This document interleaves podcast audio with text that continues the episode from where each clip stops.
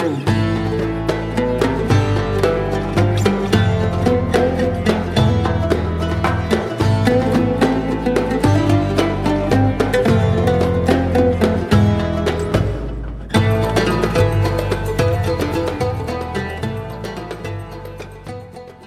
Efendim merhabalar. Türk Kahvesi'ne hoş geldiniz. Biz Tahsin Hocam'la sohbete sizden önce başladık aslında. O kaldığımız yerden devam edeceğiz diyelim. Efendim bugün çok kıymetli bir konum var. Türkiye'de Türk düşüncesi, İslam düşüncesi, Türk İslam düşüncesi, Batı düşüncesi ve bunların arasındaki bağlar modern dünya, postmodern dünya ve gelecek fikri üzerinde Türkiye, Türkiye'nin yeri, e, konusunda e, yazılar yazan, eserler veren ve bu düşüncenin izini sürerek bir tarih ortaya çıkartmaya çalışan bir felsefe profesörü, Profesör Doktor Tahsin Görgün.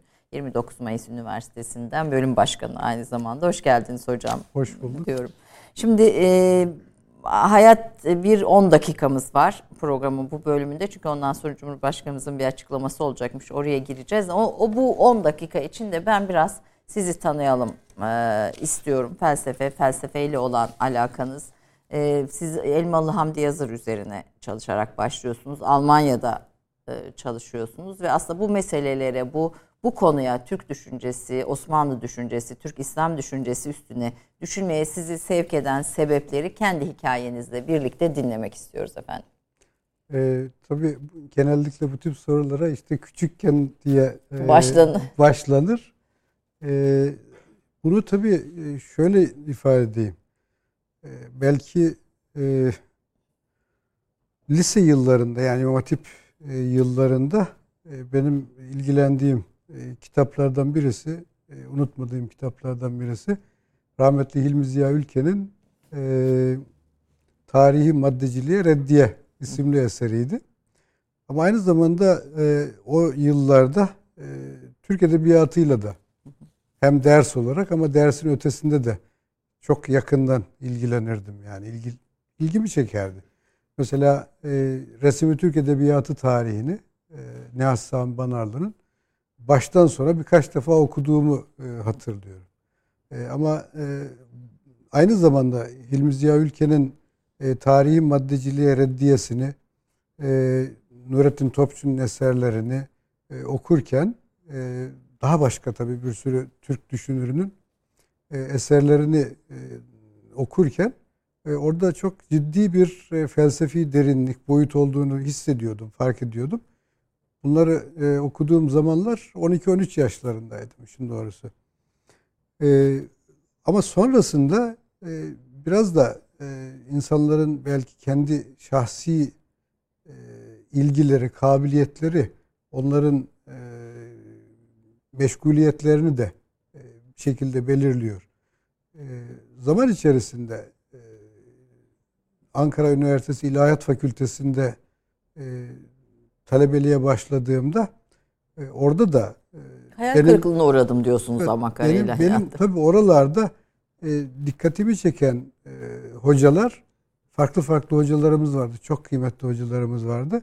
Ama özellikle felsefeci hocalarımız. Yani bunlar arasında Allah sıhhat, afiyet, uzun ömür versin. Süleyman Hayri Bolay Hoca'nın Evet, buradan saygılarımızı tabii iletelim çok hocama. özel bir yeri vardır. Ama aynı zamanda e, sonra bakanlık da yapmış olan Mehmet Aydın da, Bey de hocamızdı. Yani bu hocalarımızın tabii e, özel bir e, yeri oldu. Ama dediğim gibi o felsefi olan ilgi biraz da insanın kendi şahsi eğilimleriyle alakalı. Yani siz bir şekilde e, sadece e, verili olanla e, yetinemiyorsunuz ve ötesini talep ediyorsunuz. Bu ötesini talep etmek zaten felsefi faaliyetin farklı bir adı. Bu aynı zamanda yani şöyle söyleyeyim. Elmalı Hamdi Efendi'nin tefsiriyle meşgul olmaya başladığımda İlahiyat Fakültesi'nin ikinci sınıfında idik.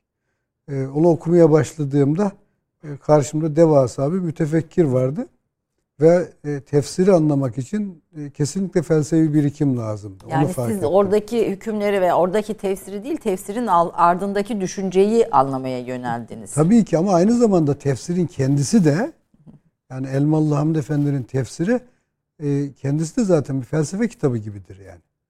Dolayısıyla mesela şöyle diyelim diyelim şuurla alakalı kısmı öyle bir analiz eder ki tam böyle fenomenolojinin ve aynı zamanda e, psikoloji verip psikolojinin e, sağladığı imkanları, felsefenin sağladığı imkanları sonuna kadar kullanır. E, bunu yaparken hem Fahrettin Errazi'yi, İbn Sina'yı orada bulursunuz. E, ama aynı zamanda modern batı felsefesinde bulursunuz. Elmalı Hamdi Efendi'nin tefsirinde. Fakat orada ham olarak değil. Orada bir mütefekkirin düşünce sisteminin içerisinde bir unsur olarak onları görürsünüz. Batı felsefesinde buluruz dediniz. Mesela Elmalı Hamdi Yazır'ın bu anlamda hani kimlerden etkilendiğini düşünürsünüz? Bir, bir defa e, doğrudan doğruya herhangi bir filozoftan etkilendiğini söylemek zor. Ama genel olarak bir bütün e, e, olarak e, bir kendisi zaten e, sistematik e, olarak yazılmış bir felsefe tarihini en azından bir bölümünü e, Türkçe'ye tercüme ediyor. Kendisi mantık müderrisi, e, mantık müderrisi olduğu için mantık dersleri veriyor. Mantık derslerinde hem e, bizim e, klasik mantık eserlerimizden istifade ediyor. Ama aynı zamanda e, şeyden batılı e, bir mantık kitabını Fransızcadan tercüme edip okutuyor. Ama bütün bunları yaparken de kendi ifadesiyle e, hukuk kendisi esas itibariyle hukukçu. Yani fıkıh e, usulü dersleri veriyor, fıkıh dersleri veriyor. E, şeyde e, o e, dönemde Süleymaniye medreselerinde mütehassisin medresesinde özellikle aynı şekilde şeyler e, o dönemde e, işte hukuk fakültesi yani bizim Yani Atatürk'ün ilk Kur'an tefsirini yaptırdığı Elmalı Hamdi Yazır'ın böyle bir geniş kesebatı var. Tabii. Bunun içinden bu Kur'an tefsiri çıkıyor. Tabii. Ve bugün de hala bu tefsir okunuyor ve önemli bir tefsir. Ve zaten Elmalı Hamdi Efendi'nin tefsiriyle meşgul olmanın ön şartı felsefi birikim. Yani o birikim olmadığı vakit Elmalı Hamdi Efendi'nin tefsiriyle irtibat kuramıyorsunuz. Yani o ilgiler e, o yönde devam ettiği için e, tabii daha sonra Almanya'ya gittiğimde de e, ben özellikle e, bilim konusunu e, kendime e, ciddi bir mesele olarak e, kabul etmiştim ve e, Müslümanların e, meselelerinin çözüm yolunun e, bilim yoluyla yani ilmi e, yollarla ve makul yollarla gerçekleşeceğiyle alakalı bir kanaate ulaşmıştım. Ve bu çerçeve ama burada işte bilim nedir sorusunu daha yakından e, ele almak gerekti ve bunu da ancak felsefi olarak yapabilirdiniz. E, bu anlamda e, şeyle e, Almanya'ya e, doktora yapmak için e, giderken e, Doktoranız aklımda, dil, davranış ve hüküm. Evet, onun da tabii ayrı bir hikayesi var. E, esas itibariyle ben e, bilim alanında yani tabir caizse e, bilim alanını Müslümanların hayat dünyasını esas alarak yeniden kurma gibi bir amaca yönelik olarak tercih etmiştim. Ve bunun da e, ön şartının e, mevcut modern bilimi yapıldığı yerde felsefesiyle, sosyolojisiyle, psikolojisiyle kavrayıp e, onunla eleştirel bir şekilde irtibat kurarak ancak yapabileceğimizi e, düşünüyordum. E, dolayısıyla bunu e, yapmanın ön şartı e, olarak e, Batı kültürünün e, merkezlerinden birisinde bulunmak ve ona derinden mümkün olduğu kadar kapsamlı bir şekilde vakıf olmak. Benim e, amacım oydu. Yani şöyle söyleyeyim. Kendi adıma ben şeye giderken, Almanya'ya giderken Batılılardan bir şey öğrenmek için değil de biraz da İmam Gazali'nin zamanında yaptığı gibi onunla onu kavrayıp künhüne vakıf olup e, onunla eleştirel bir şekilde irtibat kurduktan sonra bizim kendi hayatımızda kendi varlığımızı esas alan bir ilim ve fikir düzeni oluşturmak amacıyla. Yani evet. sizi e, siz yapan yapı taşlarının birinde Elmalı Hamdi yazarın fikir dünyası varken bir diğerinde de Batı düşüncesinin merkezi bir Almanya var. O var ama dediğim gibi bu bir kaynak olarak değil de konu olarak. Konu yani. olarak, konu evet. olarak var. Dil, davranış ve hüküm de ilginç bir şey aslında. Dil, davranış ve hüküm üzerine yoğunlaş. Siz mi böyle bir sahayı tercih ettiniz? Şimdi tabii e, Almanya'da e, ilk e, yani şeyle e, doktora tezi e, konularını müzakere ederken e, o dönemde benim e, üzerinde çalışmayı düşündüğüm başlık İslami bilim konusuydu. Islamic Science adı altında o vakitler bazı çalışmalar falan e, yapılıyordu. Ben de acaba İslami bir bilim mümkün müdür? E, bunun e, izini sürmeye çalışmıştım. O çerçevede e, hem farklı bölümlerde e, dersleri takip ederken Berlin'de Freie Üniversitede e, orada çok farklı farklı hocalarla e, müzakere yaptım. Mesela o vakitler felsefe bölümünün başında olan bir hoca vardı. Peter Krause. Onunla konuşmuştum. Demiştim ben böyle İslami bilim konusunda bir doktora tezi yazmak istiyorum. Bu konuda siz böyle bir tezi yönetir misiniz demiştim. E, o da bana neden olmasın demişti. Yani kendisi Peter Krause Wilhelm Dilthey uzmanıydı. Ve e, yazdığı e, kitaplardan birisinin adı da e, Tarihsel Aklın Eleştirisi. Yani aklın tarihsel olduğunu e, fark eden, farkında olan ve dolayısıyla akıl kendi başına kaldığında aslında değişmez ilkelere değil de sürekli kendisini akışa kaptıran ve e, zaman ve mekan şartlarında e, içeriği değişebilen bir kabiliyet olarak e, yani Dilthey'in e, farkına vardığı şey buydu veya gösterdiği. E, Peter Krauser de bunun farkında olan birisi olduğu için Müslümanların e, temel e, önermelerine dayalı olarak e, oluşturdukları hayat düzeninin e, onlara farklı bir ilim konsepti sunacağının farkındaydı.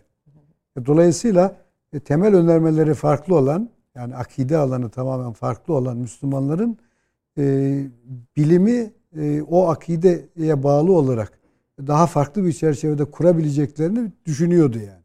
Dolayısıyla böyle bir şeyi e, teklifi yaptığımda e, bunu memnuniyetle kabul etti. E, fakat zaman içerisinde şunu gördüm. Aslında bilimsel e, faaliyet e, problem çözme faaliyetti. Bilim problemleri çözerek hem e, oluşuyor hem de yapı kazanıyor. E, bu yönden baktığımızda e, şunu e, görmek istedim ben. E, acaba bugün e, gerçek e, Müslümanların e, karşı karşıya kaldığı problemler neler? Temel problemler neler? Bu problemleri çözme konusunda Müslümanca bir yol, yordam e, bulunabilir mi? E, bu bağlamda da Almanya'da yaşayan Müslümanları dikkate alacak olsak ne çıkar? Ah evet, Almanca'da yaşayan Müslümanların meselelerini Müslümanca çözmek Almanya şartlarında mümkün mü? Bunun bir yöntemini e, araştıracak olsam, e, bulmaya çalışacak olsam, geliştirmek istesem e, ne yapabilirim? Bu sorunun e, peşine düştüğümde e, o zaman karşıma çıkan şeylerden birisi işte zaman mekanla alakalı sorular. Yani Müslümanlar Almanya'da nerede yaşıyor ve hangi zamansal olarak hangi şartlarda yaşıyor?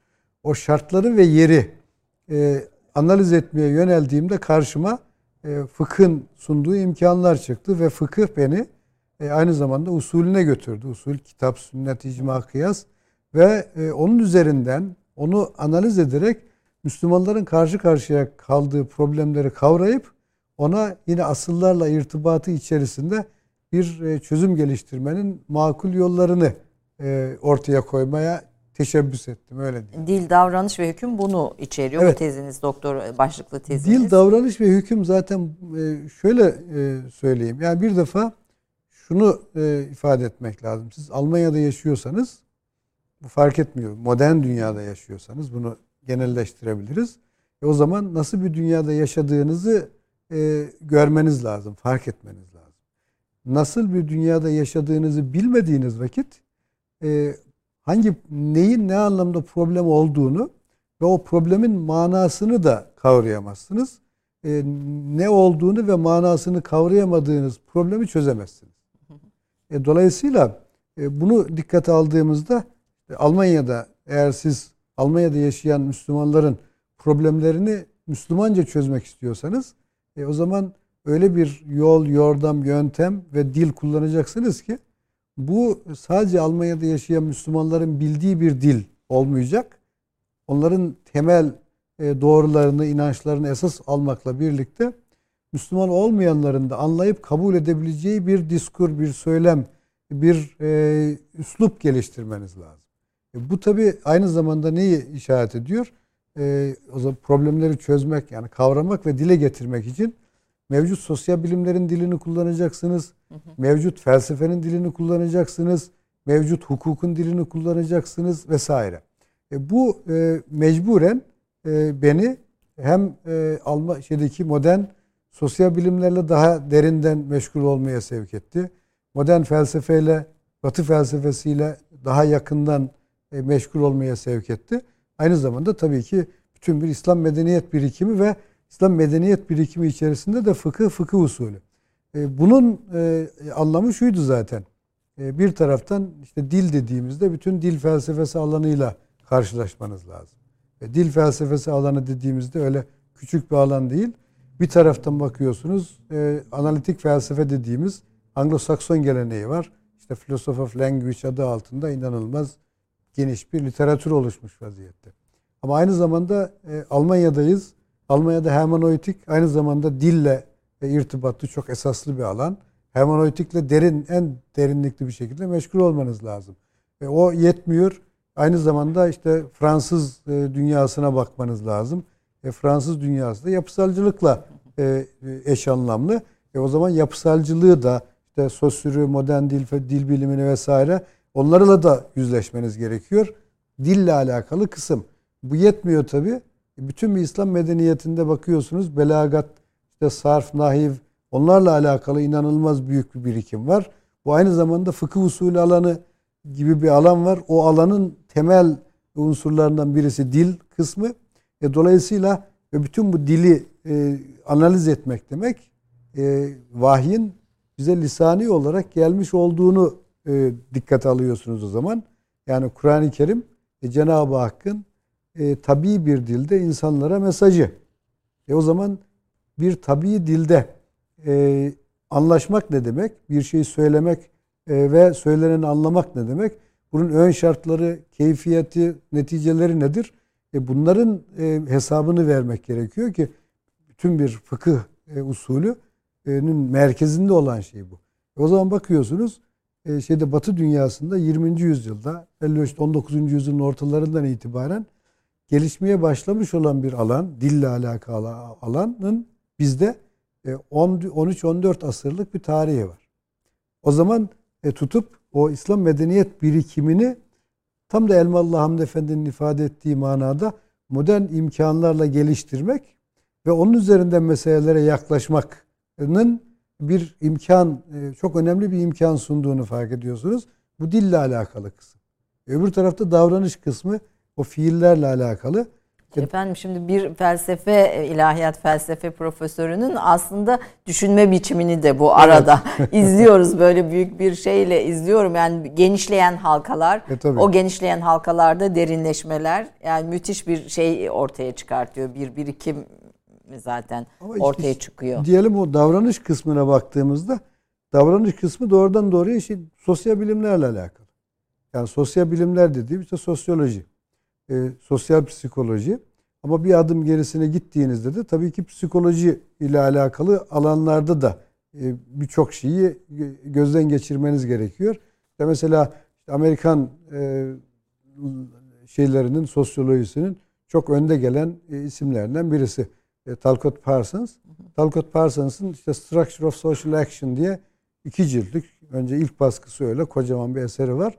Orada biz insan fiillerini nasıl kavrayacağız, anlayacağız. Ee, onunla alakalı onun etrafında oluşmuş büyük bir literatür var aynı zamanda. Ee, şeyde sistem teori adı altında yapılan çalışmalar var, Niklas Luhmann vesaire. Ee, bunun yanında yine yapısalcılık, e, yapısal fonksiyonel teori vesaire Şimdi bunlar hep insan fiillerinin e, şeyle sosyal boyutuyla veya bireysel olarak e, anlaşılmasına açık, yönelik izahlar, evet, teoriler. Anlama ve açıklamasına yönelik e, izahlar. Şimdi bunları inceliyorsunuz. E, diğer taraftan da e, İslam e, kültürüne, medeniyetine baktığımızda İslam kültürünün medeniyetin esasında aynı zamanda bir davranış analizi var. Nedir davranış analizi dediğimizde işte sünnet. E, Hazreti Peygamber'in fiillerini tasnif edip açıklamak. Hadis meselesi bu sefer. Bu şeyin e, yine fıkhın merkezinde. Yani ne demek? E, Peygamber Efendimizin fiillerini tasnif etmişler. sözlü fiilleri, işte normal bedensel e, fiilleri, bir de takrirleri diye üçe tasnif edilmiş. O tasnif üzerinden bakıyorsunuz bil fiil inşa edilmiş olan bir dünyanın merkezinde Peygamber Efendimiz var.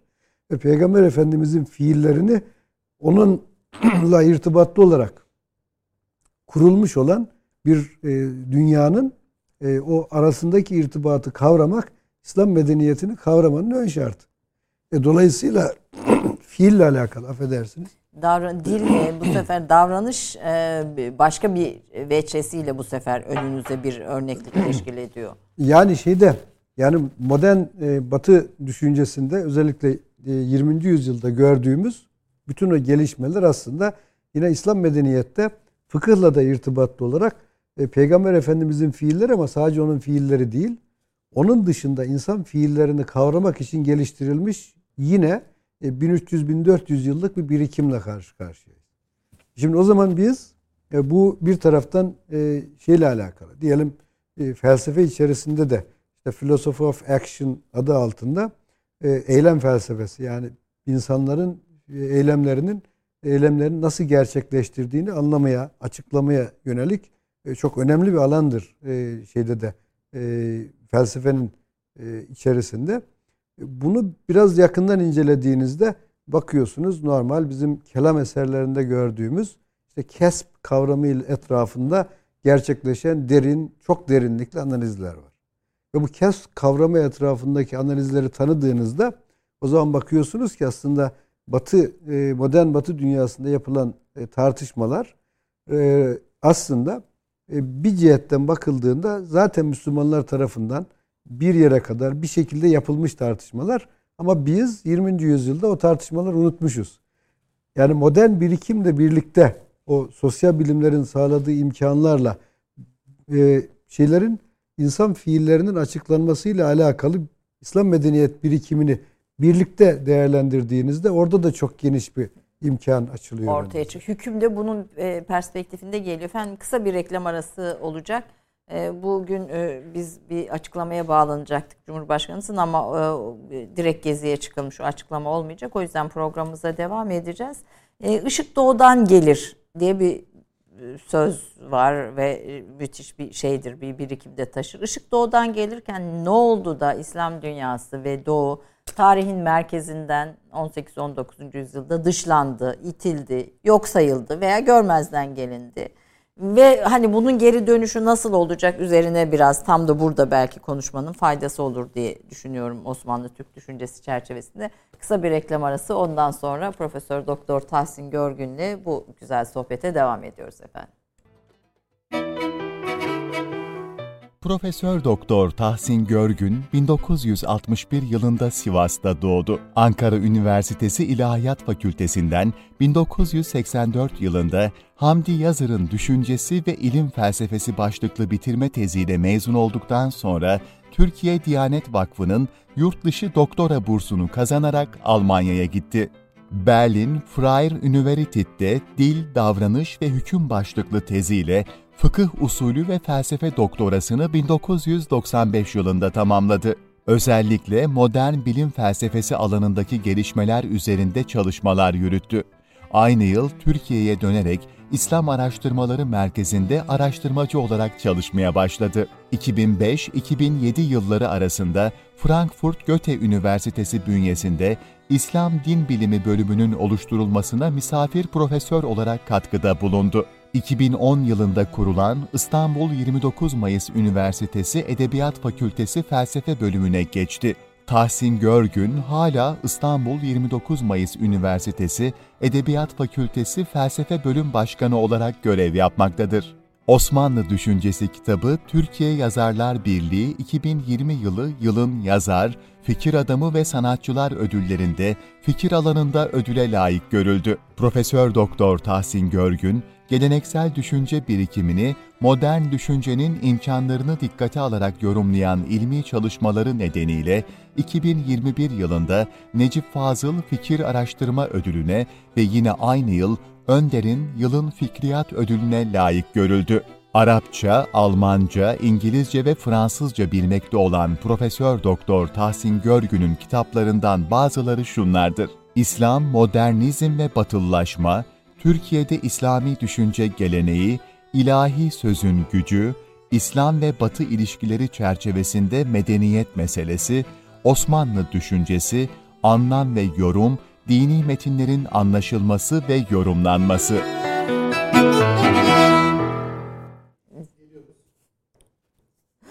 Efendim e, özgeçmişinizin e, izledik fakat biz daha ikinci paragrafta özgeçmişin konuşuyorduk. Hocam onu bitirmek istedi. Ondan sonra ışık doğudan gelir e, sözünün mahiyetini ve bugünkü bu değişimi konuşmak istiyorum. Şimdi dil davranış hüküm e, Almanya'da yaptığınız tezinizin başlığıydı. Dilin dünyasını anlattınız ve bunun için ne kadar parantezleri açarak daha doğrusu farklı farklı sahalara giderek çalışmak gerektiğini, davranışı da izah ettiniz. Hüküm kısmı nedir? Evet hüküm. Hüküm ön yargılar mı mesela? Ha, nedir hüküm? Hüküm, hüküm dediğimizde tabii hemen e, aklımıza gelen şey e, normatif alan. Normatif alanın da bir tarafı ahlak öbürü hukuk.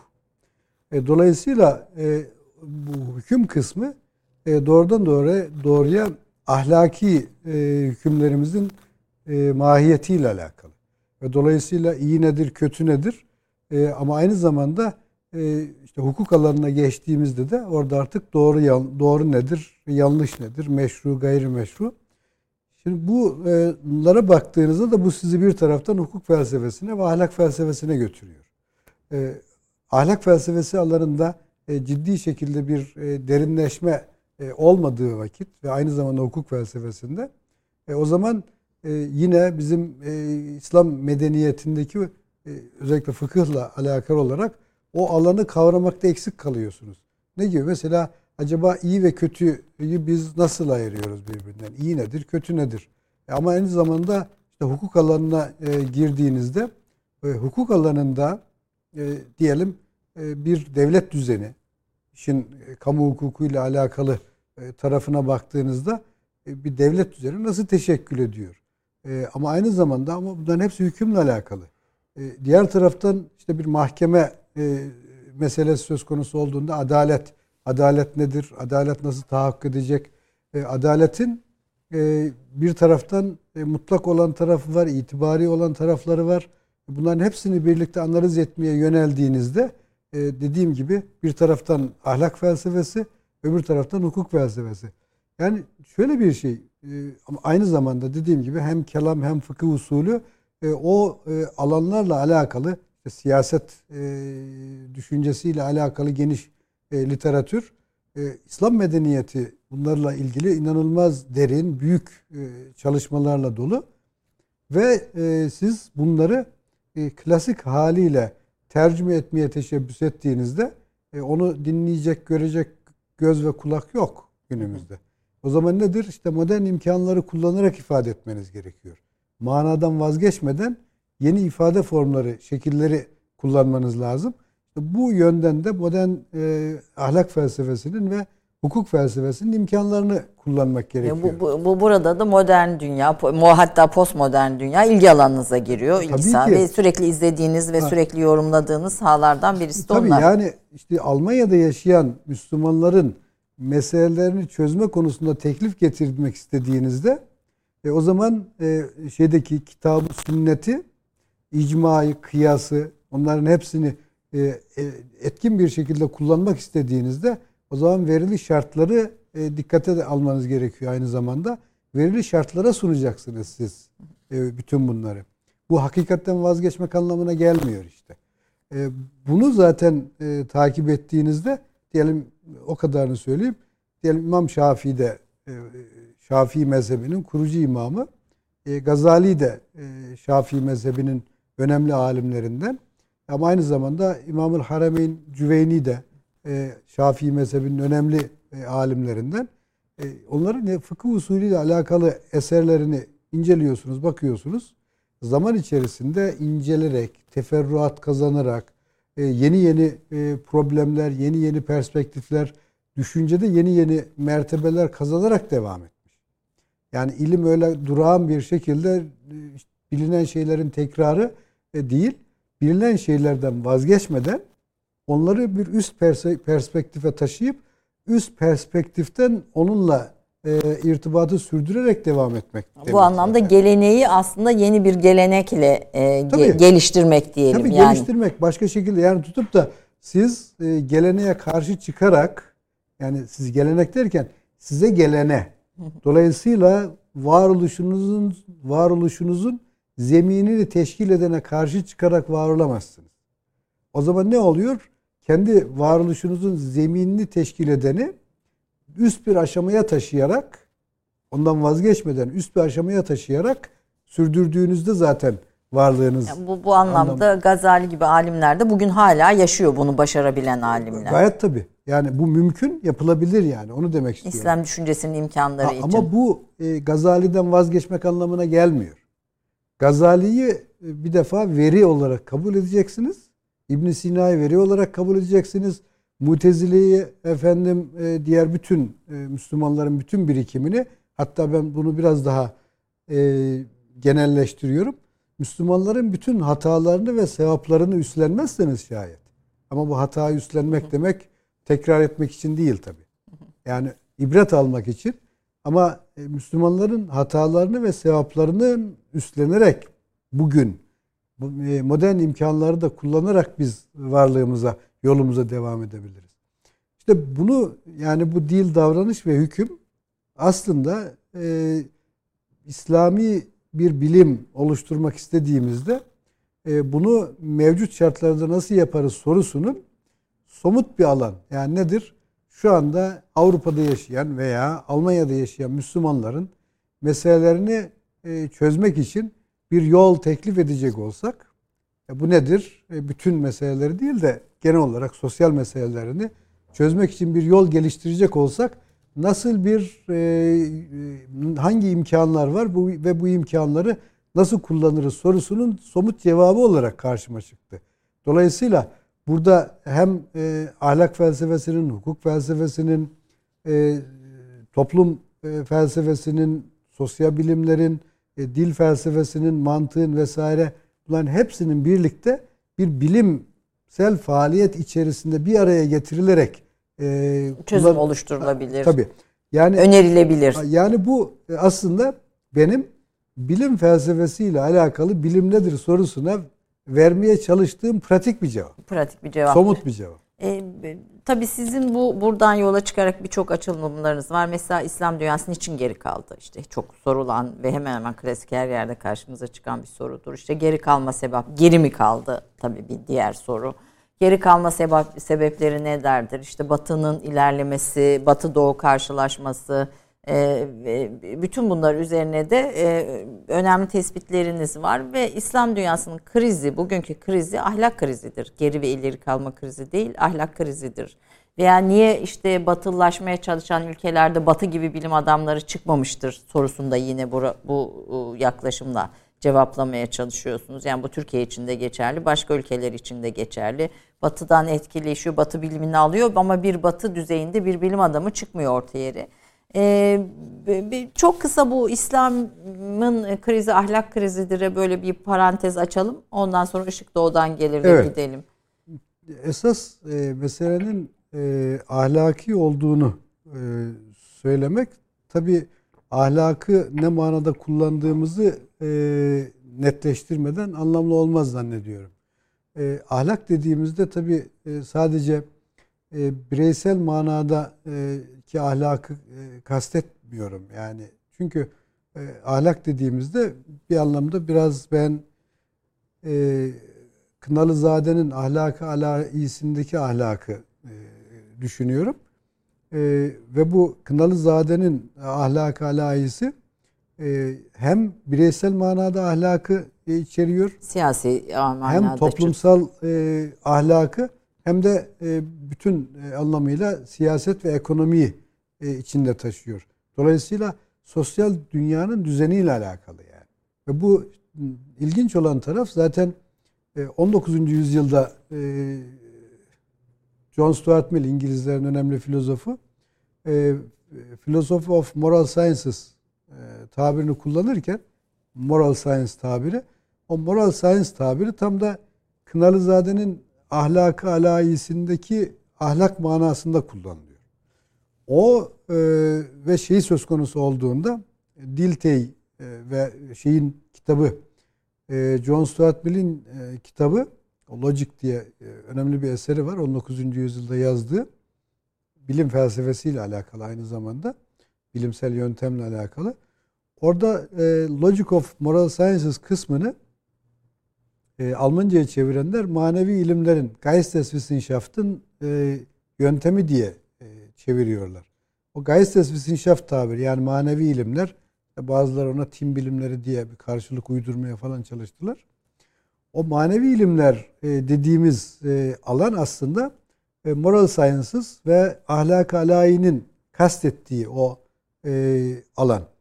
Bu yönden e, baktığımızda e, buradaki o e, hem bireysel hem e, toplumsal hem de sistemle alakalı o üç ayrı mertebeyi birlikte düşünmek gerekiyor. E, ve bunların üçü de birbirini etkiliyor. Yani e, ahlak, bireysel, toplumsal ve sistem üçü bir arada değerlendirildiğinde bir e, konuşması ki. anlamlı bir konu. Ha, tabii ki. Aksi takdirde şöyle değil. İşte tek tek insanlar e, işte ahlaki zaafa düştükleri için e, sorunlar ortaya çıktı ve biz bu sorunların üstesinden gelemedik. Böyle değil. Yani tek tek insanların tabii ki hayatlarında ahlaki sorunlar var. E, ama bu aynı zamanda ne olarak karşımıza çıkıyor? İşte toplumsal ilişkiler söz konusu olduğunda orada nedir? E, insanların e, etrafındaki insanlarla ilişkilerinde e, diyelim e, kendi sosyal ilişkileri içerisinde adalete riayet etmemek. İşte kardeşlik hukukuna riayet etmemek veya belirli bazı alanlardaki e, şeyleri vurguları e, olması gerektiğinden daha fazlasına taşımak. E, yani sınırları zorlamak ha, diyelim. Sınırları yani oradaki itidali dengeyi kaybetmek. Ama bu aynı zamanda mesela e, sistem seviyesine geçtiğinizde siz tutup diyelim o e, kendinizle alakalı ve etrafınızdaki insanlarla ilişkilerinizde e, adaletle alakalı bazı ilkeyi ihlal etmeye başladığınızda bu eğer bir toplumda kamusal manada diğer insanları ilgilendiren bir konuma geldiğinizde yani bir sistem içerisinde bir fonksiyon üstlendiğinizde o zaman bu sefer işte emaneti e, tevdi ederken ehline verme konusunda bir zaaf olarak karşınıza çıkıyor. Ve siz tutuyorsunuz e, ehline vermek yerine tanıdığınıza, bildiğinizde veya ehil olmayan başka birisine başka bir gerekçeyle veriyorsunuz. Emaneti o mu? Ve dolayısıyla bakıyorsunuz o e, bizim e, bireysel manada gördüğümüz veya toplumsal alanında gördüğümüz zaaf e, sistem alanında da e, makamların ehil olmayanların eline gel geçmesi, e, onların e, tasarruf altına düşmesi gibi bir neticeyi de veriyor. O zaman bunların hepsini birlikte dikkate almak lazım. İslam Mesela, dünyasının bugün içinde bulunduğu kriz bu üçünü kapsayan bir kriz midir? Tabii ki. Yani bu üçünün üçünü birlikte dikkate almak gerekiyor. E mesela çok e, basit bir şey söyleyelim. E, siz tutup bir e, yasa çıkarıp yasa çıkardıktan sonra e, şeylerde okullarda diyelim belirli bir kıyafeti veya kıyafetle alakalı bir zorlama bir e, bir emir ki e, kanunların öyle bir özelliği vardır. E, insanlara bunu emrettiğinizde ve yapılmadığı, uygulanmadığı vakitte görevi yapmama gibi bir konuma düşürdüğünüzde o zaman insanlar ya o konumda bulunacak ve kendilerinden talep edilen şeyi gerçekleştirecek veya yapmayıp istifa edecek. E mesela bunu ben çok açık bir örnek olarak e, vereyim. Diyelim 28 e, Şubat çok unuttuğumuz bir dönem olduğu için söylüyorum. 28 Şubat döneminde bir İmam Hatip Lisesi müdürünü düşünün. E, İmam Hatip Lisesi müdürü e, önce derse gidiyor. E, öğrencilere öğrenciler sorduğunda kılık kıyafetle alakalı e, diyor ki işte kılık kıyafette bir şey vardır. Erkekler için, kadınlar için tesettür diye bir şey vardır. Bu bir e, şeydir, e, farzdır. Bunu anlatıyorsunuz. E, anlattıktan sonra bir emir geliyor size ve emir diyor ki şeyler öğrencilerde şu kılık kıyafet düzenine uyması gerekir ve bunu uygulamak da sizin vazifeniz. Şimdi burada sistemle alakalı bir durum var. ve sistemle alakalı bir durumda yani sınıfa gidip e, bunun hükmü şudur diyen bir hoca e, görev olarak yani müdür olarak e, öğrencilerin kılığına kıyafetine müdahale etmesi kendisinden talep edildiğinde görevini yapmakla e, doğru bildiğini yapma arasında bir e, çelişkiyle karşı karşıya kalıyor. E, orada görevini yaptığında ona ahlaksızsın diyemez. E, o zaman e, sorun baktığımız vakit öyle ki bu yapısal olarak insanları bazı şeylere mecbur tutan çerçeveyi değiştirmeden o toplumsal alanda da bireysel alanda da insanlardan e, istikamet ve ahlaklı bir tavır beklemek anlamlı değil. Şimdi bu işin bir, perspektifi. Evet. Ama diğer taraftan da o e, sistemle alakalı kısmı e, dikkate aldığımızda e, o da e, netice itibariyle fertler eliyle fertler üzerinden uygulanıyor. E, dolayısıyla fertler eliyle fertler üzerinden uygulandığına göre onun hem bireysel hem toplumsal e, tarafları da var. E, o zaman bunların hepsini birlikte dikkate almak gerekiyor. Ve meseleleri e, dikkate alırken bu çok katmanlılığı e, dikkate alır o şekilde değerlendirmek lazım. Yani bugün özellikle e, Müslümanların mesela sadece Müslümanların değil aslında. Yani hep bunun belki farkında olmadan biz bunu e, söylüyoruz. E, Müslümanlar insandır yani. Dolayısıyla Müslümanların karşı karşıya kaldığı meseleler insanların bir kısmının karşı karşıya kaldığı meselelerdir. Dolayısıyla insanlığın meseleleridir. Müslümanların meselelerini kavrayıp çözmek, insanlığın meselelerini kavrayıp çözmenin bir yoludur aynı zamanda. Ondan bağımsız bir şey de Değil. değildir. Yani dolayısıyla biz böyle kendimizi insanlıktan ayırıp bir tarafta insanlık var, öbür tarafta Müslümanlar var ve biz Müslümanların problemlerini çözmek insanlıkla alakalı değil gibi bir tasavvur oluştu bizde. Böyle değil. Evet. Peki e, şimdi aslında biraz hani bugün bugünden de gitmek istiyorum ama hani bugünün şeylerinden Bu biraz ex oriental lux'la da bunu bağlayabiliriz. Bağlayabiliriz. Zaten. Evet. Yani, yani ışık doğudan gelir ha. iken yani ne oldu da e, ışık e, bilgi kaynağı doğu iken ne oldu da ışık batıdan gelmeye başladı? Işık doğudan gelirin aslında e, tam şeyini e, manasını e, tam net olarak e, tarih içerisinde adım adım e, tespit etmek mümkün. E, Tabi o ilk olarak ışığın doğudan gelmesinin Hristiyan e, söylemiyle bir alakası var. E, ışık nedir? İşte Hz. İsa'dır. E, Batı Avrupa'da yaşayan insanlar açısından da yani Hz. İsa'nın doğduğu, bulunduğu yer Filistin. Evet. E, Filistin doğudur yani netice itibariyle. E, dolayısıyla e, Hz. İsa ışık olduğu için ışık doğudan gelir. Bu bir dönemde bu manada kullanılıyor zaten. Ama e, miladi 10. 11. yüzyıllara geldiğinizde e, Batı Avrupa'da yaşayan insanlar gerçekten de insanca yaşamayı bilmiyorlar. Bu hem İtalya için geçerli, hem e, İber Yarımadası için geçerli, hem e, Fransa, İngiltere, bütün kuzey e, bölgeleri için evleviyet de zaten geçerli. Yani ne edebiyatları var, ne sanatları var, ne zanaatları var, ne tıpları var, ne teolojileri var, hiçbir şey yok yani. Böyle düşünün. Böyle bir e, bu şartlar. Yani hep e, sanki orada da bir medeniyet, bir düzen, hayat düzeni varmış gibi 19. yüzyıl sonrasında böyle bir kurgu oluşturuldu da öyle değil ama. Ve şeyler bunu mesela Herder, Almanların önemli filozoflarından birisi 19. yüzyılda İber Yarımadası'nı anlatırken o Müslümanlar e, Endülüs'te e, yaşarken tabii çok e, yüksek bir kültürleri var Müslümanların. O yüksek kültür özellikle edebiyat alanında e, nezaket kültürü var tabii kendi aralarında. Söz söylemek, konuşmak sadece şiir değil. E, söylediği şey şu, e, bir sürü e, o dönemden kalan metinler de var.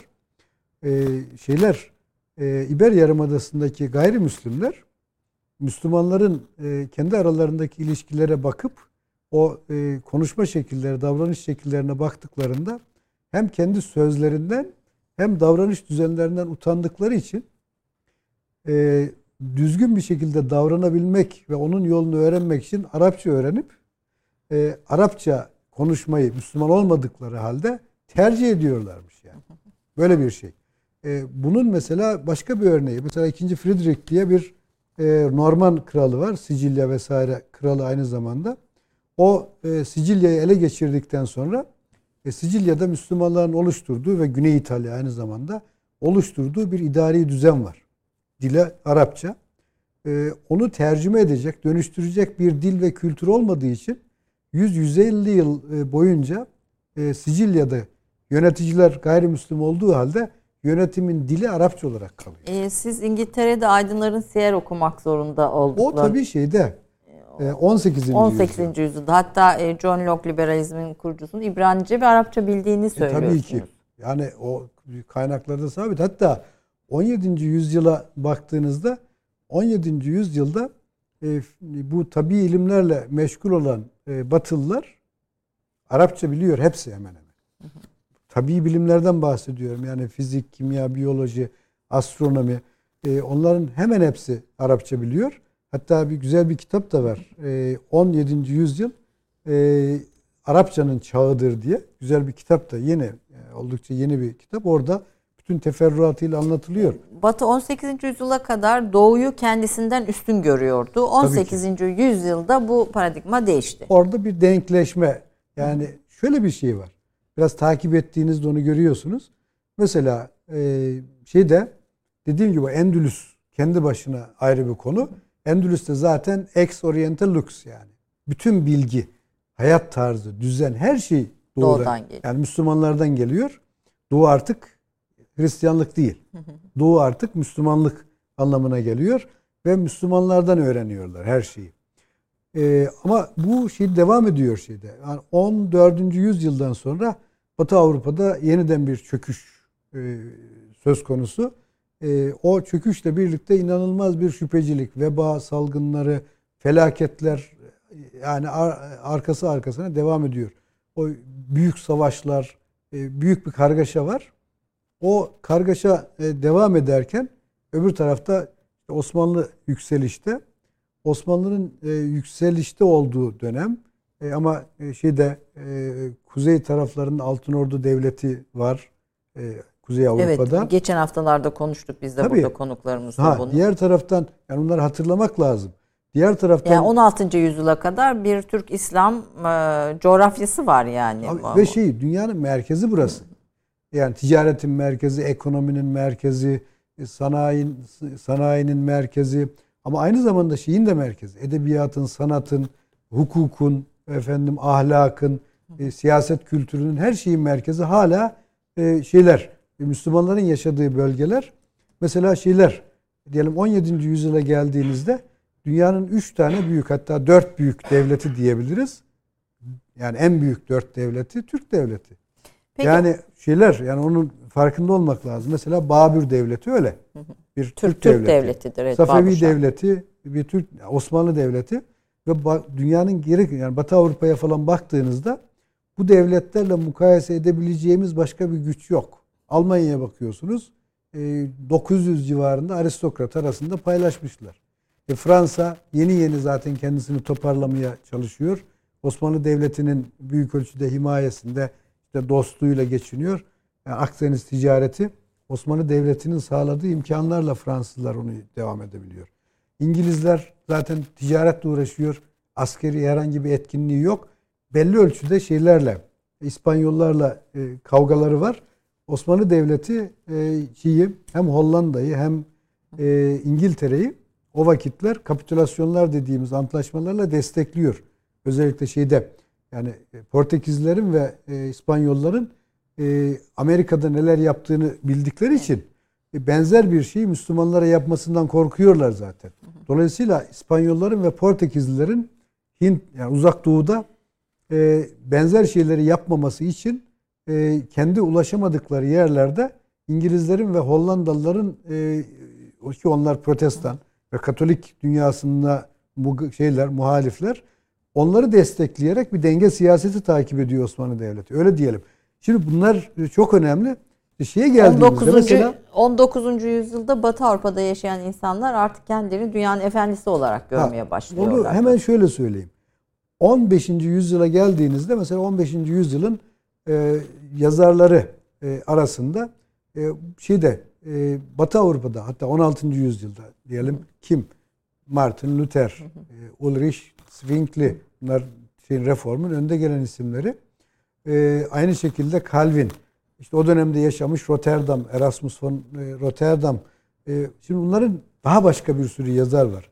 Şimdi o yazarlara baktığınızda mesela şey 16. yüzyılın önemli isimlerinden birisi Baudin bütün o e, egemenlik yani bir aydınlanma konuları. ve Rönesans tarihi ondan henüz, sonra henüz, sanayileşme henüz yok. Yani o isimlendirmeler yok. Onların metinlerine baktığınızda onlar kendilerini çok Türklerin, Osmanlıların, Müslümanların çok duğununda görüyorlar. Yani biz nere, onlar Türkler nere. Tabii. Yani öyle bir bakış var. Hatta onu e, Jean Baudin'in çok açık ifadesi var. Diyor ki yani İspanyollar, efendim şeyler, e, Almanlar vesaire, Avusturyalılar kendilerini Osmanlı Osmanlılarla mukayese etmesinler. Yani alakaları yok diyor. Şimdi şey söz konusu olduğunda 17. yüzyıla geliyoruz. 18 17. yüzyılda yavaş yavaş bir şeyler e, yapmaya başlıyorlar ve şöyle bir kanaat oluşuyor onlarda. Galiba biz de bir şeyler yapabiliriz. Ama 16. E, yüzyılda şöyle bir kanaatleri var. Bizden adam olmaz. Biz çok kötüyüz. Mesela Martin Luther'in... Çünkü bizim içinde bulunduğumuz kanaat Martin, gibi. Martin Luther'in yazıları çok şey yani. Ee, şeyde içinde yaşadığı toplumu öyle tahkir ediyor ki inanılmaz. Ve şeyler var. Almanya'da çok sayıda e, eserler var. E, oralarda mukayeseler yapıyorlar. Yani bu, o aradaki sanayileşme ve aydınlanma ve Rönesans'ın ardından Batı üstün olduğu fikrini 19. yüzyılda artık telaffuz etmeye işte başlıyor. Bir geçiş döneminde 18. yüzyıl yani 17. yüzyılda biz de bir şeyler yapabiliriz. 18. yüzyılda artık diyorlar ki biz de insanız. Yani İslam dünyası gibi, Türkler gibi biz de insanız. Biz de onlara denkiz ve dolayısıyla ama bu denklik belirli bir şeyle birlikte devam ediyor. Mesela 17. yüzyılda inanılmaz bir şekilde Osmanlı dünyasından iktibas ve istifade var. Yani mesela e, Petrus de la Croix diye bir zat var. Kendisi ve o dönemde mesela Batı Avrupa'da yaşayan insanların önemli bir kısmı e, aydınlar, kilisenin önde gelen isimleri geliyorlar İstanbul'da yaşıyorlar. 3-5 yıl kalıyorlar. E, buradan e, kitaplar alıyorlar. Arapça, Türkçe öğreniyorlar. Öğrendikleri Arapçayı geliştiriyorlar ve gidiyorlar. Bunlar genellikle bilinmeyen şeyler seyahatnameler var yazılmış. İnanılmaz çok fazla seyahatname. Ya, o 17. yüzyılda, 18. yüzyılda aynı zamanda e, ve çok ciddi şekilde mesela seyahatnamelerden nasıl istifade edildiğini anlatan güzel kitaplardan birisi şeyin e, Batı düşüncesinde büyük değişme diye e, Türkçe'ye e, tercüme edildi. Polazar'ın. Herkese tavsiye ederim. Onun o ilk bölümünü okurlarsa okunduğunda orada gö- görülebilir. Seyahatnamelerin Batı Avrupa'da yaşayan insanların hem dünyayı tanıma hem de kendi kendileri ilgili kanaatlerinin dönüşümünü nasıl tetiklediğini orada güzel anlatıyor e, Polazar. Yani e, şeyde 18. yüzyıla gelindiğinde artık şöyle bir kanaat. Biz de bir şeyler başarabiliriz. İşte Kant'ın o aydınlanmayla alakalı olarak söylediği saper aude Biraz da bu manaya gelir. Ya Batı Kendimize güvenebiliriz, bu, biz de bir şey yapabiliriz. Bugünkü Batı'nın e, kurucusu iki felsefeci Hegel ve e, Kant'ı söylüyorsunuz zaten. Bugünkü Batı dünyasının kurucu felsefecileri bunlardır. Tabii Hegel, Kant ama e, arka planında şeyleri de birlikte düşünmek lazım. E, yani felsefe alanında e, felsefeyi de biraz e, nasıl diyelim e, fail olarak değil de biraz temsil boyutunda değerlendirmek önemli. Batı'da zaten insanlar bir yola girmişler. E, o yola girdikleri vakit e, onu bir düşüncenin konusu haline getirip üst bir dilde ifade etmek felsefecilere düşüyor. Burada da Hegel açıkça Batı dünyasının üstünlüğünü ifade eden Tabii. düşünürlerden biri. Baş... Yani şeye Hegel'e geldiğimizde Hegel artık şunu söylüyor. Yani biz Batılılar olarak yani 18. yüzyılda artık yaşamıyoruz. 18. yüzyılda işte bütün insanlar insandır diye bir düşünce vardı şeyde. E, Batı Avrupa'da yaşayan insanlar arasında. 19. yüzyıla geldiğinde biz biraz daha fazla insanız. Biz daha yani insan. Biz üstünüz evet. Evet batı dışındaki toplumların batı ve batı dışındaki toplumlar diye dünya ikiye ayrılıyor ve batı dışındaki toplumların hakkı olamaz hatta tarihi olamaz. Tabii, evet. Ve bu çerçevede Osmanlı düşüncesi en ihmal edilen, üzerinde çalışılmayan alanlardan birisi İslam düşüncesi, oryantalizmin konusu haline geliyor ama o da e, nasıl bir çerçeve ortaya koyuyor biraz onu da konuşalım istiyoruz. E, kısa bir reklam arası reklam arasından sonra biraz bunu biraz da geleceği postürü post-west kavramlarının bu Münih konferansında e, bu meselenin konuşulma bağlamını bugünkü konferanstan da yola çıkarak konuşacağız efendim. Bir, bir reklam arası. Efendim Profesör Doktor Tahsin Görgünlü ile Türk düşüncesi, İslam düşüncesi ve Batı düşüncesi bunlar arasındaki irtibatları geçmiş ve gelecek analizleriyle e, devam ediyoruz. Fakat hocamın müktesebatı çok geniş, çok geniş parantezlerle konuyu ortaya koymaya, bizim için özetlemeye gayret ediyor. Böyle az başlık konuşabildik ama e, kitapları itibariyle e, çok detaylı ve geniş. Ben Osmanlı düşüncesinden başlayayım kitapları konuşmaya. Bir Osmanlı düşüncesi üzerine yazılmış bir e, araştırma, bir yapılmış bir çalışma olmadığını, Osmanlı'nın kılıçla dünyayı fethettiği görüşünün dışında fikri neydi sorusunun neredeyse hiç sorulmadığını söylüyorsunuz. E, biraz bu kitap özelinde de bakarak Osmanlı düşüncesini anlamak bizim için neden önemli sorusunu size yöneltmek isterim. Ya tabii ki önemli noktalardan birisi şu. Yani şunu da ifade edeyim. Bu ifadenin e, söylendiği vakit 2003 yılıydı. 2003 e, ödül yılı, alan bir kitap bu sizin. Ha, evet. E, yani oradaki metinler ufak tefek değişikliklerle. 2003'ten bu yana Osmanlı düşüncesi üzerine daha çalışmalar tabii ki, yapıldı. Tabii ki. Şimdi özellikle e, bu alanlarda e, gerçekten de çok e, fazlaca e, çalışmalar devam ediyor. E, fazlaca derken hala yeterince değil yani onu ifade edeyim. E, bir sürü şeyler, sempozyumlar, çalıştaylar, toplantılar vesaire yapıldı. Fakat bunların hepsi çok dağınık. Yani bizim elimizde hala bir e, Osmanlı düşüncesi tarihi yok. E, bu ama e, bir zaman meselesi. E, ben e, çok fazla e, vakit e, e, yani önümüzdeki 5-10 yıl içerisinde e, değerli toplu bir e, Osmanlı düşüncesi tarihinin e, yazılacağı konusunda bir şüphem yok. Yani bu aynı zamanda belki bizim için bir travma olan çöküşü anlamaya, çöküş diye tanımlanan şeyin çöküş olup olmadığı vesaire, dağılmayı, bir imparatorluğun yıkılmasını anlamaya da bir vesile teşkil eder ve sonraki devamlılığını da anlamamızı sağlayabilir mi Cumhuriyeti de? Tabii önce bir şunun farkında olmamız lazım. Mesela Yunan medeniyeti yok, çöktü. E, ama Yunan düşüncesi hala e, insanların irtibat kurduğu, bir şekilde istifade ettiği, şu veya bu şekilde bir kaynak olmaya devam ediyor. Yani siyasi olarak hatta bir medeniyetin bir e, bütün olarak çökmüş olması e, ondan e, istifade edilmesini engellemiyor. Yani o onun çok açık bir örneği. Ama onun yolunu, yordamını, usulünü oluşturmak lazım.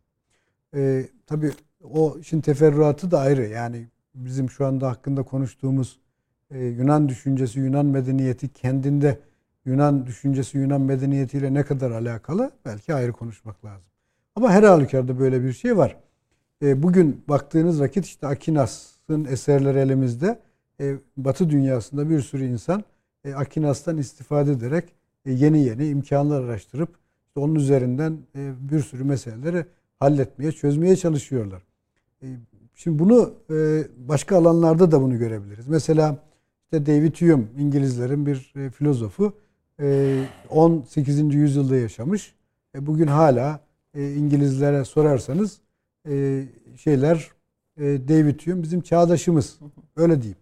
Şimdi Osmanlı dünyası söz konusu olduğunda demek ki Osmanlı düşüncesinin ehemmiyeti Osmanlı Devleti'nin varlığından bağımsız olarak düşünülebilir.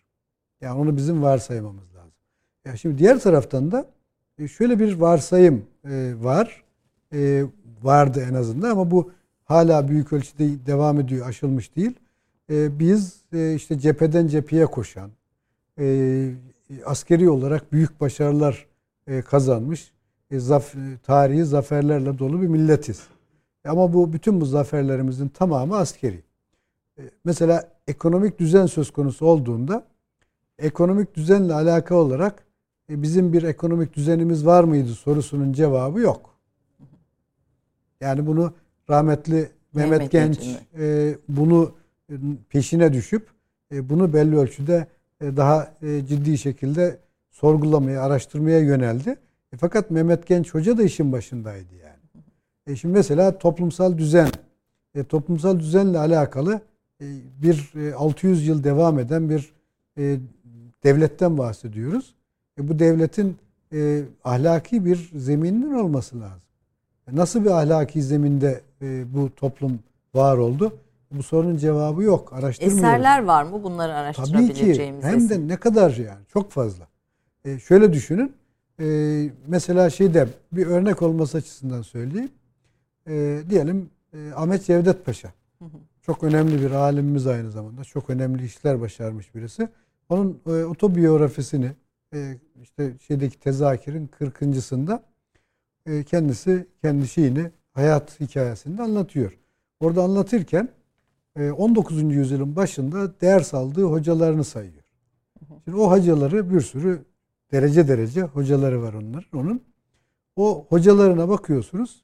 Diyor ki işte bunlar şöyle felsefi birikimi vardı, şöyleydi, böyleydi anlatıyor onları. Fakat onlarla alakalı e, bizim yaptığımız hiçbir araştırma yok.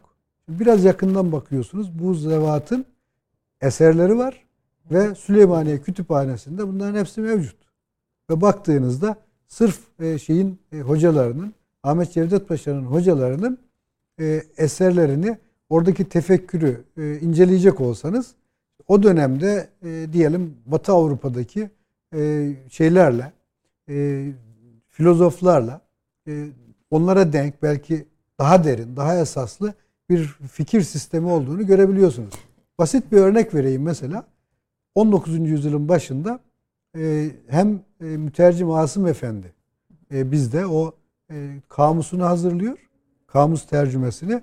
Başka eserleri de var tabi. Aynı zamanda tarihçi. Çok kıymetli bir, büyük bir alim.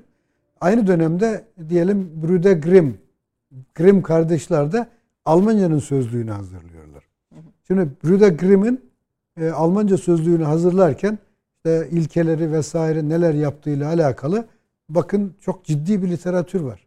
Ve bu literatürü Almanlar e, onun etrafında onu çalışarak ortaya koymuşlar. Ama biz e, şeyi mütercim Asım Efendi'nin kamus tercümesini daha yeni e, yani yazma yazarlar başkanlığı daha birkaç yıl öncesinde hazırladığı hizmete sundu. Ve biz henüz onun mukaddimesini tutup diyelim şeyle e, Brüder Grimm'in e, yazdığı mukaddimeyle mukayese edip onun üzerinde çalışan e, herhangi birisi henüz olmadı. E, Mesela başka bir örnek daha söyleyeyim müsaade ederseniz. Bizim yani yok saydığımız, hı hı. düşüncemiz yoktu, çök, çöküyoruz falan dediğimiz dönem. Mesela Dilthey, e, daha önce de adını zikrettiğim evet, Dilthey, 19. yüzyılın son çeyreğinde Manevi ilimlere Giriş diye bir e, kitap yazıyor manevi ilimlere giriş işte bu hermeneutik e, ilimlerin e, ve sosyal bilimlerde hermeneutik e, yönelişin e, yönelişi başlatıyor, temellendiriyor. Şeyden Diltey'den birkaç yıl öncesinde Hamidetul Usul diye Gelembevizade Ahmet Tevfik Efendi bir eser yazıyor. O da yine tam da şeyin Diltey'in yapmaya çalıştığı gibi Diltey Alman geleneğini ihya ediyor aslında, sistematize ediyor. Gelen Bevizade Ahmet Tevfik Efendi de fıkıh usulünden hareketle bir tarih ve sosyal bilimler yöntemi teklif ediyor. Kısa bir eser aslında. 40 sayfalık bir eser ama çok yoğun bir eser.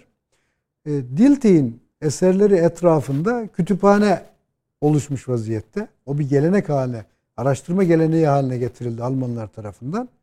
Bizde Gelenbevizade Ahmet Tevfik Efendi hakkında sadece bir tane bir yüksek lisans tezi var galiba bir iki bir yeni çalışma da oldu. Fakat bu şeyler de takdir edilmesi gerekir ama eserin derinliğinin çok gerisinde çalışmalar. Allah. Evet. E şimdi biz baktığımızda sırf 19. yüzyıla baktığımızda 19. yüzyıl e, biz de düşünce tarihi açısından baktığımızda Batı düşüncesinin tesir tarihi olarak kendimizi kurguluyoruz. Ve şeyde batılılaşmaya katkıda bulunan veya bulunduğunu düşündüğümüz düşünürler batılılaşmaya katkıda bulunduğu kadar e, araştırmalarımızın konusu oluyor. Bunu felsefeciler yapmıyor, edebiyatçılar yapıyor. Edebiyatçılarda bakıyorsunuz sadece edebi olarak formel manada hangi edebi formlar bizim batılı edebi formlar bizim edebi hayatımızda nerelerde girdi onun kaydını tutmaya yöneliyorlar. Evet. E, edebiyat deyince e, siz Osmanlı düşüncesinde Ahmet Hamdi Tanpınar'ın Saatleri Ayarlama Enstitüsü ekseninde aslında e, Osmanlı düşüncesinin ipuçlarını da veriyorsunuz. Yani kitabı bu çerçevede Osmanlı düşüncesinin çerçevesinde bir değerlendirmeye tabi tutuyorsunuz. Onu da kıymetli olduğunu söyleyeyim. askeri ve siyasi geçmişi yeterli kabul ettik Osmanlı'nın diyorsunuz. Yahya Kemal bu kubbeler, bu minareler Akça ile olacak iş değil dedi. Süleymaniye Külliyesi sadece bilek gücüyle taşları üst üste getirme işi değildi ama biz buna rağmen bunu görmedik. Şimdi bu düşünceyi kavramamız gerekir. Ee, bu bir Türk düşüncesi vardı. Peki biz bu düşünceyle nasıl irtibat kuracağız diye bir soruyu yönet, yöneltiyorsunuz ve bu da çok önemli bence. 19. yüzyıl Türkçesi kendisi felsefedir, kendisi bir felsefedir, kendisi bir düşüncedir Namık Kemal, Ziya Paşa, Ahmet Cevdet Paşa bunların metinlerinde kavramlar ve örgüler büyük bir felsefe sistemini, düşünce sistemini ortaya koyar. 20. yüzyıl üzerimizden bir silindir gibi geçti. İslam dünyasının üzerinden de bir silindir gibi geçti ve bu bağları kısmen de koparttı. Biz batılılaşarak e, mevcudiyetimizi koruyacağımızı düşündük. Bugün geldiğimiz yerde e, hem Türk düşüncesi olarak hem İslam düşüncesi olarak ne yapmak lazım? Böyle çok özet bir cevap ona da almak isterim. E, aslında biraz e, benim e, biraz da teferruatlı olarak konuştuğumuz dil davranış ve hükümde yapmaya çalıştığım şey e, biraz ne diyelim bir tecrübe olarak bana kendime öncelikli olarak bir ışık tuttu. Ne demek bu? E, modern e, birikimi dikkate almadan klasik birikimle irtibat kuramıyorsunuz. Hı hı. Bu bir baştan e, bizim farkında olmamız gereken bir şey. Bu yönden de Türkiye aslında şu anda baktığımızda özellikle üniversitelerimizde daha çok batıdaki birikimi nakletmeye kurgulanmış bir misyon sivilizatrisin aracı olarak yani medenileştirme misyonunun aracı olarak etkin olan bir kurum bizim üniversitemiz. Batılılardan daha çok batılılaşarak evet, hatta. yani öyle onu çok ciddi alarak e, yapmaya çalıştık. Ve bu noktada da e, Batı e, medeniyet birikiminin e, altında aslında bilmediğimiz bir tarafı kalmadı. Yani Batı'nın sosyolojisini de biliyoruz, felsefesini de biliyoruz, ekonomisini de her şeyini biliyoruz. Fakat işin ilginç tarafı bütün bu bilgiler bizim sorunlarımızı çözmeye yetmiyor. Burada Huntington'un batı te, e, batı tektir ama universal değildir. Yani batı dışındakiler batılılaşamaz şeyine mi geliyorsunuz cümlesinde? Buradaki e, mesele biraz şöyle. E, yani Huntington'un e, iddiası e, yani bunu e, bir stratejik bir e, söylem olarak düşünmek lazım. E, bunun e, anlamı şu. E, batı ile batı dışını ayırıp e, Batılıların kendisi zaten o eserinde çok açık şekilde ifade ediyor. Diyor ki bizim şu anda sahip olduğumuz ekonomik ve askeri güç ki bunu söylediği zaman 1992-93. Evet, evet. Soğuk Savaş'ın yeni tabii, bittiği dönem. Sovyetler Birliği dağılmış. Evet. E, Rusya yok. Çin e, şey yeni daha, güçleniyor. Daha vesaire. yeni yani ve baktığınızda e, NATO'nun gücüne denk bir güç yok. Yani o o şartlarda ve şeyin Huntington'un işaret ettiği şey biz e, batı dışı toplumların kendisini toparlamasına e, fırsat vermezsek şayet e, hegemonyamızı kalıcı hale getirebiliriz. Manası o yani. Toparlanmasına e, fırsat vermememiz lazım. Bugün bugün geldiğimiz Bugün yer. geldiğimiz noktaya baktığımızda artık şunu e, gayet açık bir şekilde görüyoruz. Batı ve NATO insanlığa çözüm üretmiyor. Amerika'nın girdiği her yerde problemler büyüyor. Bunu artık görüyoruz yani. diğer taraftan da şeyde Amerika'nın kendi içerisindeki problemler çok büyük. Avrupa'nın kendi içerisinde çok esaslı problemler var. Ve diğer taraftan da batı dışında bir dünya var ve artık e, dünya bunu 2000 e, yılında dünya tarihi yazan bir Cliff Ponting var. Diyor ki e, dünya diyor son 100-150 yıl içerisinde çığırından çıkmıştı tarihin akışı. 2000 yılların başından itibaren dünya tarihi tabii akışına yani batı yeniden dış, Batı dışındakiler de tarihe dahil olmaya dahil başladı. Oluyor. Ama bunun ötesinde e, dünya tarihinin merkezinde hep Asya vardı. Avrasya vardı daha doğrusu. Yeniden Avrasya tarihin merkezine yerleşiyor. Yerleşti yani şu anda artık onu söyleyebiliriz. Buradaki önemli nokta şurası. Batılıların şu anda Batı dünyasına e, baktığınızda yani ben en azından kendi e, birikimimi yani mevcut şeyi dikkate alarak baktığımda ne Batı felsefesinde ne Batı'nın e, sosyal hayatında e, herhangi bir şekilde benim önümü aydınlatan, geleceği görmemi sağlayan herhangi bir şey bulamıyorum.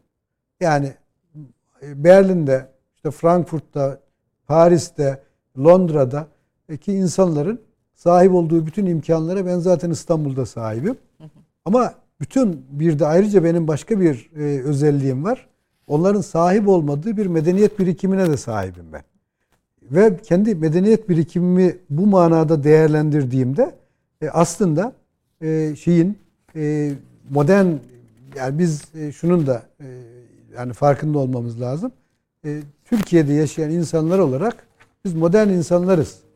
Yani bunu şey için değil ne kadar kötü, ne kadar iyi diye iyi veya kötü diye isimlendirmeye gerek yok. E, biz modern insanlar olduğumuzun farkında olursak bu modernliğe de e, özel bir değer e, atfetmeden o zaman şunu söyleyebiliriz. Yani Batı dünyasında yaşayan insanların da bizim de müşterek problemlerimiz var aslında. Evet. Ve biz kendimiz kendi birikimimizi kullanarak kendi problemlerimizi çözdüğümüzde bu aslında insanlığın problemlerini çözmek anlamına da geliyor. Böyle bir şey.